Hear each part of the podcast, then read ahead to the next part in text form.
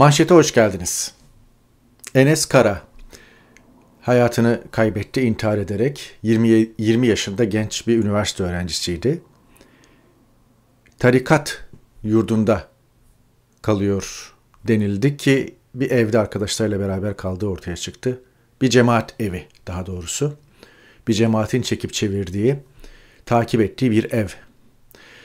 E, bunun üzerinden tarikat yurtları kapatılsın kampanyası başladı. E, bu kampanyaya katılmayanı linç ediyorlar mahallede. E, ben o kampanyanın her iki tarafında da değilim. Ne tarikat yurtları yaygınlaştırılsın ne de tarikat yurtları, cemaat yurtları kapatılsın tarafındayım. Ama dediğim gibi Türkiye'de ne zamandır meseleyi serin kanlılıkla e, ele alma geride kaldığı için bir de tuhaf bir şekilde iktidar söylemiyle, iktidar e, bir takım diskuruyla veya kabulleriyle yürüme e, hemen hemen her kesimde hakim olduğu için bana da bazen tuhaf geliyor. Sonra da kendime kızıyorum. Niye tuhaf gelsin ki? Ülke bu. Ülkenin bu mayası bu diyorum. Yani kendi gibi düşünmeyen herkesi bitirmeyi, kendi gibi düşünmeyen herkesi yok etmeyi, kendi gibi düşünmeyen veya katılmadığı e, her grubu bir şekilde linç etmeyi ve onların malına mülküne çökmeyi filan ve onların haklarına sahip çıkmamayı falan esas alan bir mahalleler bütünü Türkiye. Seni de koruyamadık Enes. Ne işe yarıyorsak biz diyor karga kafası. Yüzde yüz katılıyorum. Ee, Enes Kara 20, 20 yaşında. Belli ki öncesinde umutları olan bir gençti. Tıp fakültesine gitti ve tıp fakültesini e, kazandığı ikinci sınıfında okuyordu. E, ailesinin yönlendirmesiyle özellikle babasının yönlendirmesiyle kredi yurtlar çıktı mı çıkmadı mı bilmiyoruz detaylarını ama bir cemaat evine yerleştiriliyor ve babası öteden beri e, okuduğu bir kitabın cemaati, Risale-i Nur cemaatine yerleştiriyor. 25 yıldır ben bu kitabı okuyorum. Oğlumun da okumasını, ahiretinin kurtulmasını istedim diyor. Aileler bu tür korumacılıkla çocuklarını İmam Hatip'e gönderiyorlar veya cemaat evlerine yerleştiriyorlar, cemaat yurtlarına veya tarikat yurtlarına koyuyorlar. Bu bir Türkiye gerçeği. Dolayısıyla meseleyi ele alırken e, Türkiye'yi Türkiye gerçeği olduğundan hareketle yola çıkacaksınız. E, Enes'in Enes Kara'nın 27 20 yaşında tıp fakültesi 2. sınıf öğrencisi geride bıraktığı 10 dakikalık bir video var. Seyrettiniz mi 10 dakikalık videoyu? Çoğunuz seyretmediniz. Çoğunuz internete konulan, Twitter'da dolaşan 2 dakikalık bölümünü seyrettiniz. Keşke 10 dakikalık 10 dakikalık bölümü seyretseydiniz. Geri, e, bir bıraktığı mektup var. Bir vasiyeti var bıraktığı. Bütün bunların hepsine bakıldığında e, Enes'in Enes Kara'nın evet herkesin bildiği bir cemaat evinde kaldığı, yapmak istemediği şeylere zorlandığı, baskı gördüğü ve e, kendisinin inançsız bir e, genç olduğu ama bu konudaki sorularına cevap alamadığı gibi e, şikayetleri var. Bunu almış. Sınavların aşırı zorluğundan şikayet ediyor. E, tıpta uzmanlık sınavı kazanmanın zorluğundan şikayet ediyor. Doktor olsan bile aşırı çalışma saatleri, düşük ücret, hasta yakınlarının şiddeti filan gibi işte gazetelere düşen haberler. Hasta yakınlarının şiddetinden doktorlar yaralanıyorlar ve meslekten mesleği bırakmak e, zorunda kalanlar var, yurt dışına gitmek zorunda kalanlar var. Bütün bunların hepsinden şikayet ediyor. E, evet, ailesi kendisini bir cemaat evine yerleştirmiş ve orada e, günlük olarak hayatını cemaatin düzenlemesine göre veya cemaatin biçimlendirmesine göre yaşaması kendisinden beklenmiş. Fakat kendine farklı bir hayatı uygun gördüğü görülüyor Enes Kara'nın. E, yine biraz evvel de söyledim okulu da e, kendi yaşam beklentileri içerisinde e, çok fazla ona umut vermiyor. Yani okulun da e, okulundan da şikayetleri var. Yaş, e, tıp fakültesinden de şikayetleri var.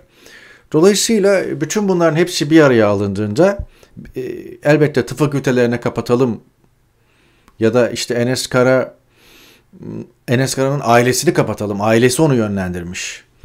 Ee, ya da işte efendim cemaat evlerini kapatalım. Cemaat evlerini nasıl kapatacaksınız? Yani her 4-5 kişinin bir arada kaldığı ev cemaat evi midir? E, o halde ne yapalım? Cemaat yurtlarını kapatalım, tarikat yurtlarını kapatalım diye bir kampanya yola çıktı. Dediğim gibi ben bu konuda olayın bir tarafında değilim. Sadece olay sağlıklı analiz edilemiyor. Sağlıklı ele alınamıyor. Yani çocuğun kaldığı yer ev. Çocuğun kaldığı yer ev olduğu halde yurtları kapatalım diye kampanya yapılıyor. Bunu anlatmaya çalışıyorum ve Enes Kara'nın pek çok şikayeti var. Okulundan, ailesinden, çevresinden ve gelecek beklentisi kalmamış. Gelecekten umudu kalmamış. Türkiye'de bugün %70'i gelecekten umudu veya Türkiye'de yaşam umudu kalmayan gençlerin %70'i Avrupa'ya kapak atmaya çalışıyor. Bir yönüyle de o gençlerden biri. Fakat e, enteresan bir şekilde şu oluyor. Yani bir hakkın kötüye kullanılması onun kullanımını ortadan kaldırmak veya yasaklamak için bir gerekçe olmalı mı? İşte bu ortaya çıkıyor. Tıpkı şunun gibi diyelim ki bir otobüs kazası oldu ve otobüs kazasında 40 kişi hayatını kaybetti. Metro turizmi kapatalım. Yani metro turizm hala var değil mi? Ve metro turizmde hayatını kaybeden insanların sayısı herhalde binler, binlercedir. Ya da işte tıpta uzmanlık sınavı ile ilgili bir sıkıntısı var Enes Kara'nın. Bu sınavı kaldıralım. Ya da tıp fakültesiyle veya yaşadığı üniversiteyle ilgili bir sıkıntısı var. Bunu kapatalım. Bu oluyor mu? Aynı şekilde Kredi Yurtlar Kurumu'nda fuhuşla alakalı, genç kızların pazarlanmasıyla alakalı, bir çetelerin cirit hattı ile ilgili çok şey var. Kredi yurtları kapatalım oluyor mu? Yani neticede bir hakkın kötüye kullanılması onun kullanımını ortadan kaldırma kaldırmaya gerekçe olmamalı ve bunu şey yapmamız gerekiyor. Yani e, konunun üzerine yoğunlaşmamız gerekiyor. Bu sebeplerin üzerine yoğunlaşmamız gerekiyor. Kötü olayların, kötü hadiselerin karşısında. Onu söylemeye çalışıyorum. İkincisi, tarikat yurtlarını kapatalım, cemaat yurtlarını kapatalım, tarikatları kapatalım, mallarına çökelim. Bunu nasıl yapacaksınız? Nereden biliyorsunuz cemaat evlerini, tarikat evlerini? Orada 3-4 kişi, 5 kişi yasalara uygun bir şekilde ev tutmuşlar ve kalıyorlar. Herhangi bir şikayet de yok. Bir takım vakıflar adı altında yurtlar açılıyor.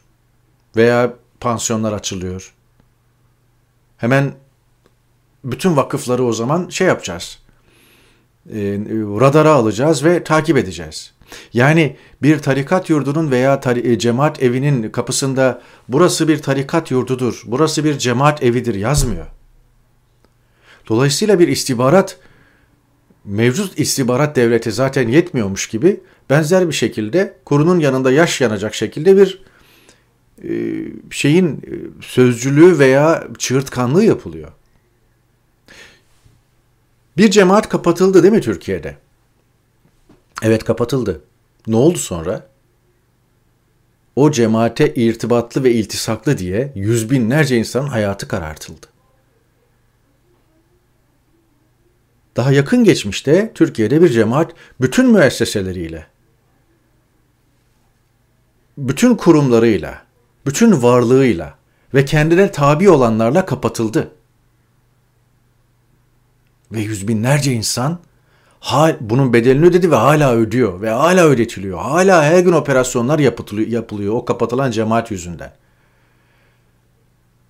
Hala her gün o kapatılan cemaate irtibatlı, iltisaklı diye 50 kişi, 100 kişi, 150 kişi her gün gözaltına alınıyor. Tutuklanıyor, mallarına çökülüyor. Gece yarısı kararnameleriyle yeni yeni şeyler ihtas ediliyor ve onunla insanlar zulüm görmeye devam ediyorlar. Böyle mi yapalım? Yani kapatalım sırayla, mallarına mülklerine çökerim, irtibatlı irtisaklı herkesi de sıradan falakadan geçirelim. Çok dikkatli olmak gerekiyor. Çok çok hassas olmak gerekiyor. Öyle bir süreçten geçiyoruz. Evet.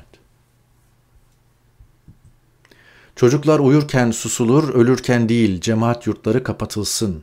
Ahmet Şık, Erkan Baş'ın İşçi Partisi Genel Başkanı tweetini alıntılayarak böyle bir kampanya yürüyor. Ağırlıklı olarak sol Kemalist çevrelerde bu kampanya yürüyor Emin Çapa da yazmış. Kamu hariç hiç kimse yurt işletemezsin.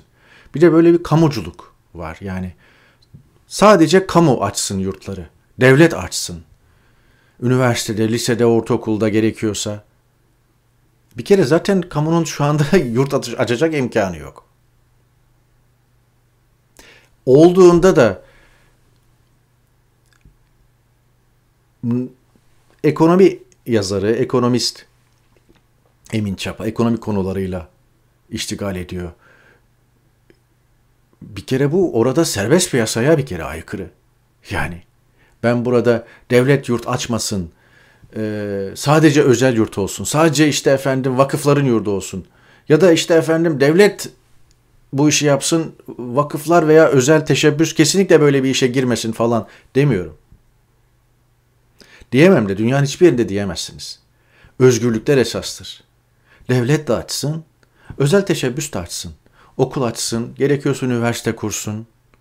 Yurt açsın, pansiyon açsın, devlet de açsın, öbürü de açsın. Mühim olan denetlemek.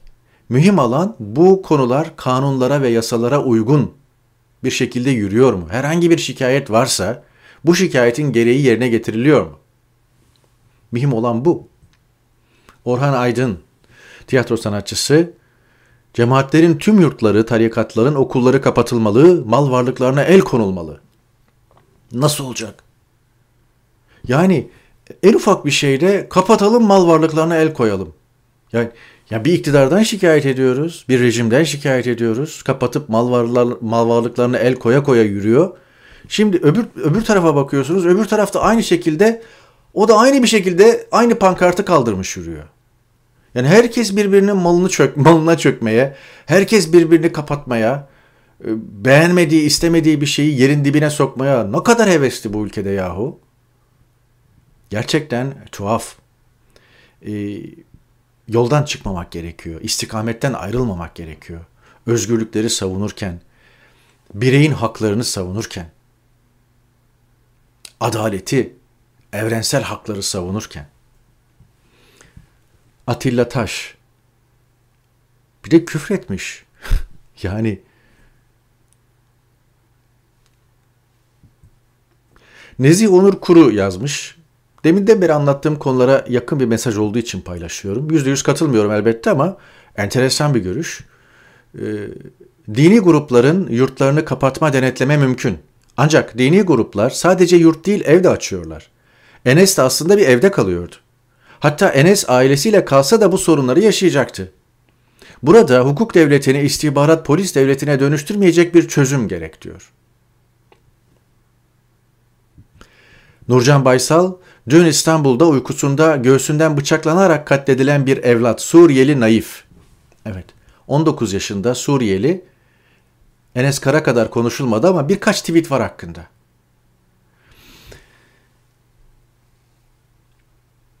Türkiye'de gündemi belirleyenler, Twitter'da gündemi belirleyenler veya buna teşne olanlar o günkü hadiseler içerisinden belli olayları ve gerçekten de e, işlerine gelecek veya onun üzerine bir propaganda oturtabilecek belli olayları seçip bunun üzerinde tepinmeyi çok seviyorlar. 19 yaşında bir Suriyeli genç. Neden bu hiç haber olmuyor? Tamam öbürü gerçekten çok vicdanlara dokunmuş olabilir, genel bir yarayı kaşıyor olabilir vesaire vesaire vesaire. Ama yani onunla ilgili 1 milyon tweet atılıyorsa şununla ilgili de 10 tane atılsın yahu. Yok. Ergun Babahan paylaşmış, tarikat yurdunda kalan öğrencinin intiharı kadar 19 yaşındaki Suriyeli gencin uyurken yatağında Türk faşistleri tarafından öldürülmesi de korkunç. İkinci olayı görmezden gelmek ırkçılığın toplumsal boyutunu gösteriyor diyor. Gene bir başka olay. İstanbul'da avukat Dilara Yıldız 29 yaşındaymış. Ölüm tehditlerini sosyal medyadan paylaştığı eski nişanlısı tarafından katledilmiş. Kanınla duş aldıracağım, biletin kesildi diye yazmış cani. Evet. Bunlar hepsi Enes Kara gibi, diğer Suriyeli genç gibi hepsi toplumsal birer vaka, birer kangren. Ne ilk ne son. Bu şunu kapatalım, buraya çökelimle ele alınacak bir mesele değil. Topyekün ele alınması gereken bir mesele. Olayın akademik tarafı, olayın sosyal tarafı, olayın ekonomik tarafı var. Olayın yasal, anayasal tarafı var. Biri diğerinden bağımsız değil. Ailelere bakan tarafı var. Mahallelere bakan tarafı var. Sosyolojik tarafları özellikle çok yoğun. Siyasete geçelim. Gerçi o da farksız değil ya. Erdoğan e, bugün Selahattin Demirtaş'a enteresan bir şekilde haber haber e, yani gündemine aldı ve bunların göğsündeki şeref madalyası daha kaçırdığı yavrular bunlarınki bunlardaki vicdan bu. Ama Edirne'deki Demirtaş'ı kastediyor. En büyük hesabı İmralı'dakine verecek Öcalan'ı kastediyor. Tuhaf bir şekilde bir Edirne İmralı karşılaştırması yaptı. Yani daha kaçırılan yavrular vesairelerle olayı direkt e, şeye indirgedi. E, olayı Demirtaş'a çekti. En büyük hesabı İmralı'dakine verecek diyerek de yani gerçekten ne demek istediği filan enteresan. Yani e, bütün bu terör hadiselerinden daha kaçırılan insanlardan falan sen sorumlusun. Ey Selahattin Demirtaş hesabı da Abdullah Öcalan'a vereceksin. Nereden baksanız sorunlu. Nereden baksanız sıkıntılı. Ama bu durumda Selahattin Demirtaş ne diyecek? Gerçekten merakla bekliyorum. Ben hesabı halkıma veririm mi diyecek? Yoksa benim İmralı'dakiyle herhangi bir sorunum yok mu diyecek? Zor bir durum. Demirtaş açısından. E, zaten e, Erdoğan da bu demeçle onu köşeye sıkıştırmayı hedefliyor. Bir diğer siyasette enteresan gündem maddesi de bu. Buna değinmeden geçmeyeceğim. Soldaki şahıs Namık Kemal Zeybek, sağdaki de Devlet Bahçeli biliyorsunuz. Devlet Bahçeli dünkü grup konuşmasında enteresan şeyler söyledi ve dedi ki 4 Temmuz 2002'de bundan 20 sene önce yaklaşık e, koalisyon hükümetine Ecevit, e, Mesut Yılmaz, e, DSP, ANAP ve MHP koalisyon hükümetine göndermede bulunarak kendisi de hükümet ortağıydı ve başbakan yardımcısıydı. Ecevit'in yardımcısıydı. O döneme bir göndermede bulunarak şunu söyledi. 4 Temmuz 2002'de e, koalisyonun genel başkanları olarak bir toplantı yapmıştık. Ekonomiden sorumlu Kemal Derviş de katılmıştı. Bu kiralık batı komiseri, Kemal Derviş'e böyle söylüyor. Kendi hükümetinin bakanıydı yahu. Defalarca siyasi belirsizlikten bahsetmişti. Müteakiben merhum Ecevit'in koltuğundan inmesini sağlayacak koalisyon hükümetini dağıtacaktı diyor. Ve e, dün hedef Ecevit'ti, bugün Erdoğan. Yani Kemal Derviş gelmiş, ekonomi dümenine geçmiş ve ondan sonra da e, Ecevit'i koltuğundan inmesini sağladı. Hedef Ecevit'ti diyor filan. Bugün de diyor aynı şekilde diyor bu ekonomik filan dalgalanmalar veya ekonomik e, hareketlilikten hareketle e, kur krizi vesaire enflasyon işsizlik aynı şekilde hedefin dünkü gibi dün nasıl Ecevit'se bugün de Erdoğan diyor. Sanki o günleri hiç yaşamadık. Yani o gün Devlet Bahçeli hiç kimsenin ummadığı bir anda hükümet ortaklarına haber dahi vermeden baraj altında kalma pahasına erken seçim kararı açıklamıştı. Ne zaman? O bahsettiği 4 Temmuz 2002'deki genel başkanlar hükümet ortakları toplantısı zirvesinden 4 gün sonra 8 Temmuz 2002'de bir yaylada e, yapılan bir işte efendim etkinlikte, Koca Yayla'daki bir etkinlikte 3 Kasım 2002'de seçime gidiyoruz. Hadi bakalım diye sandığı işaret etmişti. Tarihi de vermişti ve koalisyon dağılmıştı. Ve e, enteresan bir şekilde ne Ecevit ne Mesut Yılmaz e, bunun önüne geçememişlerdi. Haliyle e, o gün e, Ecevit'i hedef alan veya o günkü hükümeti hedef alan veya o günkü hükümeti bitiren şey Devlet Bahçeli'nin bu hamlesiydi. Kemal Derviş değildi. Yani bazı olayları yaşamasak içinde gazeteci olarak, muhabir olarak o günleri yakından takip eden, benim alanım siyaset yani o günleri yakından takip eden her şeyi aynı bugün gibi Nasıl bugün takip ediyoruz her şeyi, lafları, demeçleri, grup toplantılarını, siyasi gelişmeleri, perde arkasını, yazarları, analizleri, kulisleri, koridorlarda konuşulanları o gün içinde takip ediyorduk üstelik. Muhabirlik yapıyorum bizzat yani. ANAP'ı takip etmişim, DSP'yi takip etmişim. MHP'yi takip etmedim ama takip ediyorum. Cankaya Köşkü'ne girip çıkıyorum. Refah Partisi'ni takip etmişim vesaire. Bizzat yakinen takip ettiğim için işin içinde olduğum bir dönemden bahsediyoruz. 2002. Tecrübeli de bir muhabirim yani. 7-8 yıldır bu işi yapıyorum. O tarihte. Sanki hiçbir şey gözümüzün önünde olmamış gibi tuhaf bir şekilde diyor ki yani Kemal Derviş'i getirdiler Batı komiseri. İşte efendim Ecevit'in altına oydu. Dün hedef Ecevit'ti bugün de Erdoğan diyor. Yani gerçekten tuhaf. Ee, ve Bahçeli kendi içinde olduğu, kendi merkezinde olduğu hadiseleri böyle çarpıtmaya devam ederek gidecek anlaşılan. Bakın niye Namık Kemal Zeybek'in fotoğrafı orada? Şundan. Namık Kemal Zeybek bundan birkaç ay önce olayın şahitlerinden biri olarak o gün ne olduğunu anlatıyor. Yani 8 Temmuz'da Devlet Bahçeli 3 Kasım'da erken seçim kararı alıp bunu hükümet ortaklarından habersiz açıklarken o gün orada yani Koca Yayla'daki Yörük şöleninde ne olduğunu anlatıyor. Diyor ki Türkiye krizden çıkmak üzereyken tam çukurdayken seçim var dedi. Biraz bekleseydi bir buçuk yıl rahatlama döneminde seçim olurdu. Bu konuda çok haklı. Çünkü o gün Kemal Derviş'in e, Kemal Derviş ve IMF tedbirleri birlikte ki Kemal Derviş Dünya Bankası Başkan Yardımcılığından geldi. Özel görevli olarak geldi kabul edelim. Yani Dünya Bankası önermiş olabilir, IMF önermiş olabilir. E, Ecevit de aldı bunu kabul etti. Hükümet ortakları da kabul ettiler ve ekonomiden sorumlu bakanlık e, bakanlık verdiler. Ve o dönem aldığı tedbirlerle ve o tedbirlerin sıkı bir şekilde uygulanmasıyla pek çok yasa çıkarıldı, çıkarıldı, yasal düzenleme yapıldı. IMF çok yönüyle işin başındaydı. AKP döneminde Erdoğan ve arkadaşları bunun ekmeğini yediler. Özellikle 2002-2010 arasında muazzam bir kaynak bolluğu, muazzam bir para bolluğu ve ekonomide e, işlerin yoluna girmesi, rayların e, oturması ve düzgün bir şekilde e, idare edilmesi hep bu sayede oldu. Bunu e, Babacan ve Mehmet Şimşek de itiraf edecekler, ifade edecekler. Göreceksiniz.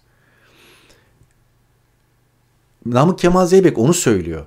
Tam çukurdayken seçim var dedi. Biraz bekleseydi bir buçuk yıl sonra rahatlama döneminde seçim olurdu. Gerçekten de öyle. 2003, 2010, 2004 beklenseydi ki seçimin normal zamanı 2004'tü. 2004 beklenseydi ve o rahatlamayla seçime gidilse bambaşka bir tablo olabilirdi. Zavallı Ecevit yalvardı diyor Namık Kemal Zeybek. İntihar ediyoruz dedi. Ki öyle. Öyleydi yani. Herkes barajın altında kaldı. Bir daha kafayı kaldıramadı. Koca Yayla'daki o yörük şöleninde çadırda biriyle telefonda konuştu Devlet Bahçeli. Çıktı. Yüzü sapsarıydı çıkarken. Beş dakika sonra kürsüye çıkıp 3 Kasım'da erken seçim var diye ilan etti. Birdenbire oldu. Hiçbir yardımcısının haberi yok. MHP'de de kimsenin haberi yok. Evet. Ben öyle bir gecede veya bir telefonla falan karar değiştiren bir örnek daha hatırlıyorum. Onu da söyleyeceğim. O da Erkan Mumcu.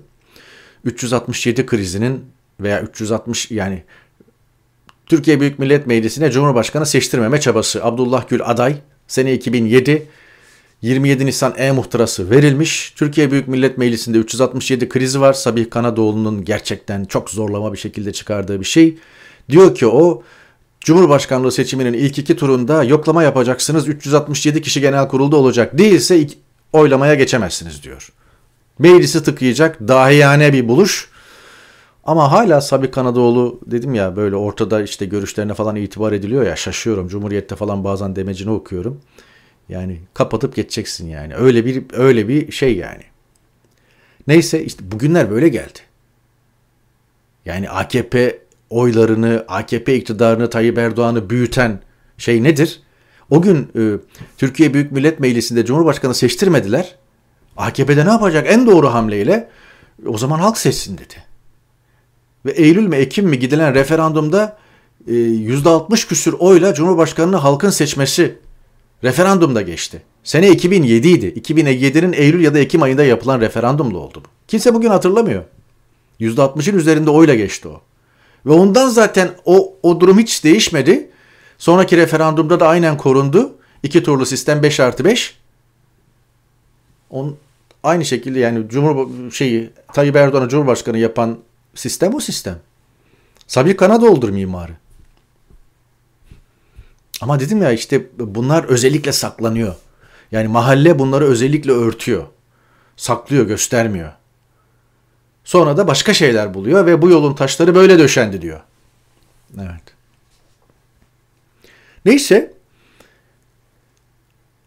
O dönem Türkiye Büyük Millet Meclisi'ndeki oylamaya Anavatan Partisi ki bir grubu vardı. AKP'den kopardığı isimlerle bir grup kurmuştu Erkan Mumcu. Yoksa AKP milletvekiliydi. AKP'den seçildi. Hatta Milli Eğitim Bakanlığı yaptı. AKP'nin ilk Milli Eğitim Bakanı Erkan Mumcu'ydu. Sonra görüş ayrılığına düştü ve 20 kadar kişiyi oradan koparıp grup kurdu ve Anavatan Partisi. Anavatan Partisi'ne yeniden hayat verdi. Anavatan Partisi'nin genel başkanı oldu.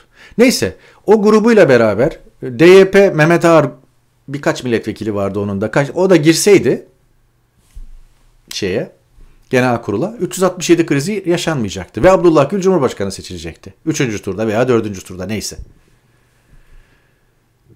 O gün Abdullah e, şey Erkan Muncu'nun yakınında olan isimlerden e, işittiğim ilk ağızdan söylüyorum. Gece diyor dağıldık partiden evimize giderken Anavatan Partisi'nin Erkan Mumcu'nun grubuyla beraber Türkiye Büyük Millet Meclisi'ne gireceği ve bir krize yol açmayacağı biçiminde bir karar alarak evimize gittik. Sabah geldiğimde diyor durum değişmişti. Ve Erkan Mumcu kararını değiştirdi ve girmiyoruz genel kurula dedi. Ve muazzam bir kırılmadır bu. Ve enteresan bir şekilde işte gece kim telefon açtıysa Erkan Mumcu'ya o da herhalde yüzünün rengini bilmiyoruz ama Bahçeli gibi sapsarı bir yüzle o da kararını revize etti, değiştirdi ve girmedi genel kurula. Tarihin akışını değiştirecek bir karar aldı. Ha kendisi siyasetin ne bileyim arşivine gitti. Çöplüğüne demeyeceğim, alınmasın. Ee, ve bir daha da kafayı kaldıramadı. Anavatan Partisi zaten bitmişti. Erkan Mumcu biraz canlandırmaya çalıştı ama sonra onun da arkası gelmedi. Öyle gitti. Ve bugün Erkan Mumcu hala o gün ne yaptığını açıklayamıyor. Mehmet Ağar da hakeza. Hadi Mehmet Ağar'ı anlayışla karşılasınız. Zaten devletin adamı ne olacak? Onun aranmasına bile gerek yok diyebilirsiniz ama Erkan Mumcu hadisesi de budur. Böyle bir gece gelen veya bir telefonla falan olaylar değişiyor. Olayların seyri değişiyor. Haliyle demem o ki bugün MHP devlette korkunç bir kadrolaşmaya imza atmış olabilir. İktidar ortağı olabilir. Parti havuzuna rant pompalanıyor olabilir hemen her gün. Ama akıldan çıkarmayın. Dün nasıl her şeyi sıfırlama, barajın altında kalma, iktidarı kaybetme pahasına iskemlesini tekmelediyse Devlet Bahçeli, bugün de gözünü kırpmadan bunu yapacak motivasyonu bulabilir. 2002'de yaptığını anlam verememiştik. Namık Kemal Zeybek açıkladı olayın perde arkasını bir nebze. Ama bugün 2022'de bunu anlamlandırmak pek de zor olmayacak. İskemlesini tepke, e, tekmeleyebilir. İskemlesini tekmelediğinde de ülke seçime gider. Ve kimse bunu Bahçeli'nin niye yaptığını anlayamaz. İktidardasın, o kadar imkanın var, devlette kadrolaştın, şöyle şöyle rant takıyor. O gün de öyleydi. Evet. Diyor ve bir manşeti daha noktalıyoruz efendim. Bir sonraki yayında görüşmek umuduyla. Hoşçakalın.